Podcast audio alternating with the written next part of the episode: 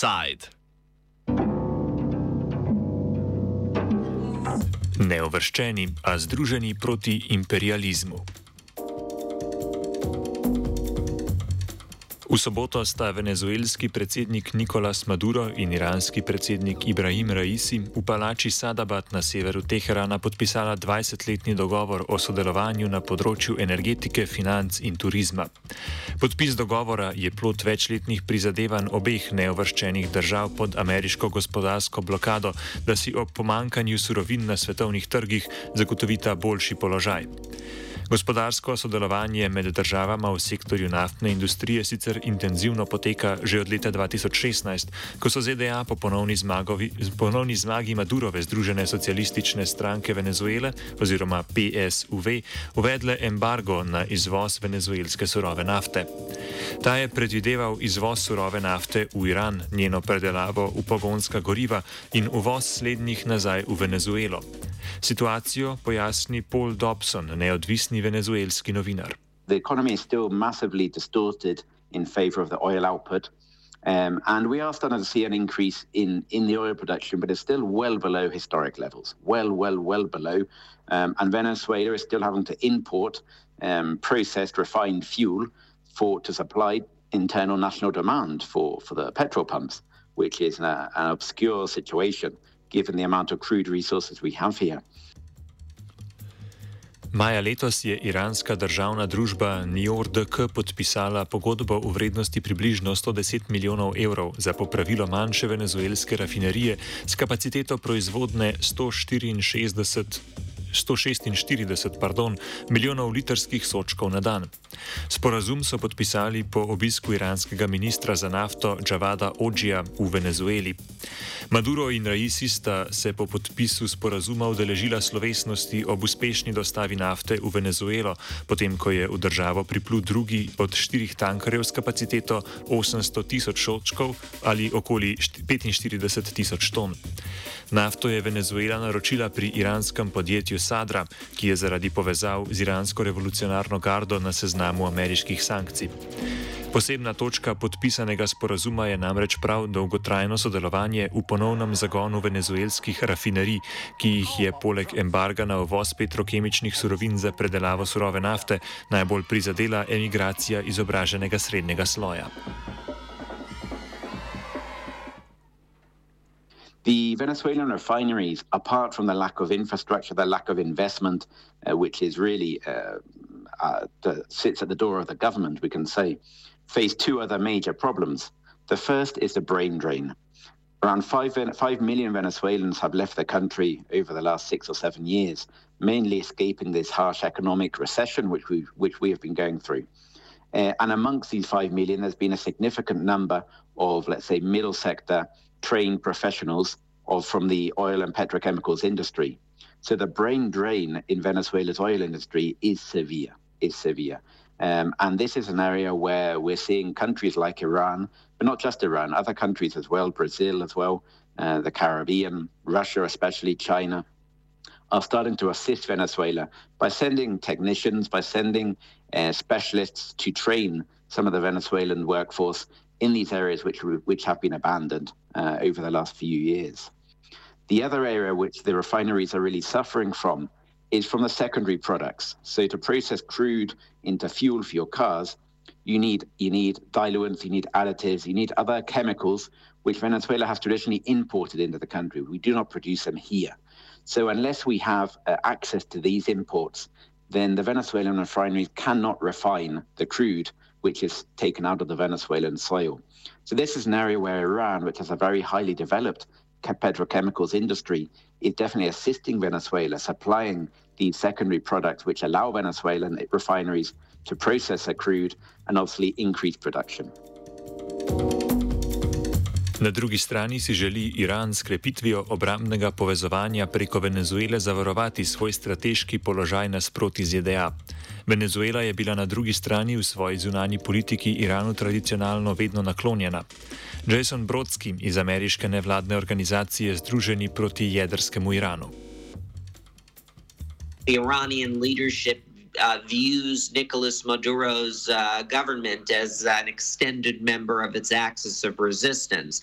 And so when I mean a deepening of the partnership, I'm talking about uh, let, let, for example, the uh, UN uh, Security Council Resolution 2231, um, which endorsed the Iran nuclear deal, uh, its uh, arms embargo on Iran expired in October 2020. And what that means is Iran has the legal ability now to export its arms to other countries, and therefore Venezuela Venezuela is a natural customer uh, for uh, the Iranian regime, and I would expect.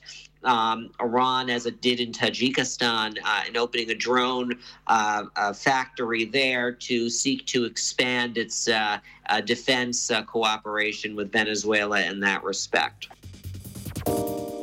To vrstni venezuelski varnostni dogovor je tako veliko bolj podoben obrambnemu sodelovanju, ki ga ima država s svojo rusko zaveznico, meni Dobson. They follow the similar sort of lines that the, the defense deals Venezuela has had with Russia over the last 15 years. Uh, the defense deals Venezuela has had with Russia are generally focused around uh, providing uh, high level modern technology and also training to the Venezuelan armed forces. These aren't defense deals which work uh, around military bases or work around joint operations. They're very much a, a training uh, deal um, around supplying high tech equipment um, and basically modernizing the Venezuelan armed forces. I would suggest that the, this will be a, the, sort, the sort of content we'll see with the Iranian deal, but obviously we'll have to wait and see for more information to come out into the public light. Od 18. julija dalje bodo med Karakasom in Teheranom stekli tudi neposredni leti, ki naj bi po besedah iranskega predsednika spodbudili ne zgolj krepitev trgovinskih in gospodarskih odnosov, temveč tudi zbliževanje obeh narodov. Iransko sodelovanje z afriškimi in latinoameriškimi državami moramo razumeti tudi kot previdno odmikanje od siceršne zaveznice Rusije, ki je Iran že večkrat pustila na cedilu. Iran has been trying to uh, deepen its partnerships with countries uh, like Venezuela and in Africa. Uh, to bolster its axis of resistance. That is the priority right now uh, for uh, the Iranian leadership. Uh, they're they're more interested in that than they are in uh, developing uh, strong ties with Europe and other countries of that nature. So I think that that's the priority right now. Iranian leadership, uh, despite a very dis- history of uh, full of distrust uh, with Moscow, Iran's leadership does prize its relationship with uh, the Kremlin, and so I think we're seeing Iran shore up these uh, relationships. Of uh, a lot of times you'll hear Iranian diplomats talk about them as the club of sanctioned countries, and uh, they, they're trying to create a network there that's capable of evading sanctions and circumventing them. So uh, they could uh, just tread water. Venezuela pa si po delni sprostitvi ameriške blokade v sredini maja letos, ki za tuja podjetja, ki poslujejo z venezuelskimi, ne predvideva več sekundarnih sankcij, torej blokade njihovih tekočih računov, prizadeva za povečanje tujih investicij v državi. We've seen moves over the last three to four months that the United States is willing to to lift the blockade slightly, at least in some measures. For example, we've seen that Washington now give the green light to European firms to trade with Venezuela without the risk of secondary sanctions, which is obviously a great plus for, for Venezuela, which traditionally has strong strong trade links with Spain, with Portugal, with Italy, and, uh, and especially with Turkey most recently. Te si želijo krepiti tudi na račun drugih držav Bližnjega vzhoda. Maduro je namreč prejšnji teden poleg Irana obiskal še Alžirijo in Turčijo, kjer je sklenil trgovinske sporazume o povečanju tujih investicij v Venezueli. Maduro's recent tour to the Middle East, to Turkey, to Iran and to Algeria is definitely looking to restart some of the economic sectors which have really been reduced to practically zero over the last few years. So here we're looking at tourism. We're seeing direct flights being implemented with Iran, with Turkey. We're seeing trade uh, coming into the country, but especially we're seeing uh, private sector investment in the country. So not not government investment, private sector investment from um, the Iranian oligarchy, from the Turkish oligarchy into Venezuela. And this will provide an important boost because Venezuela is is very low on on capital investment, basically.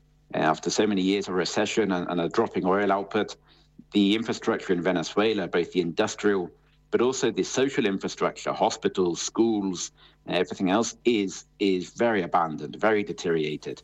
So the government is looking to attract foreign investment, private investment, um, to try to restart these sectors of the economy. Ob tem bo morala Madurova vladajoča stranka spretno krmariti med vzhodom in zahodom, ki bi znal preveč odločna antiimperialistična stališča hitro kaznovati s ponovno zaostritvijo ekonomske blokade. It is a certain surprise that the government has undertaken this visit at this time. Over the last uh, two, two or three years, we've seen the Maduro government make very clear overtures to Washington to try to improve relations with the objective of trying to lift some of the sanctions against the country. Um, we even saw the US send a, a high level delegation to Caracas for the first time in March. Um, and we've seen a shift in the government rhetoric here towards the United States. Um, that said, the the visit to the Middle East now, where Maduro is visiting two countries which currently hold extremely poor relations with Washington, Turkey over the NATO issue of Sweden and, and Finland, uh, the problems which Turkey are causing for the US foreign policy at the moment with regards to the Ukraine war and other elements are significant. And of course, Iran, which at the moment, with the collapse of the Vienna, Vienna talks, is experiencing a new low in its relationship with Washington.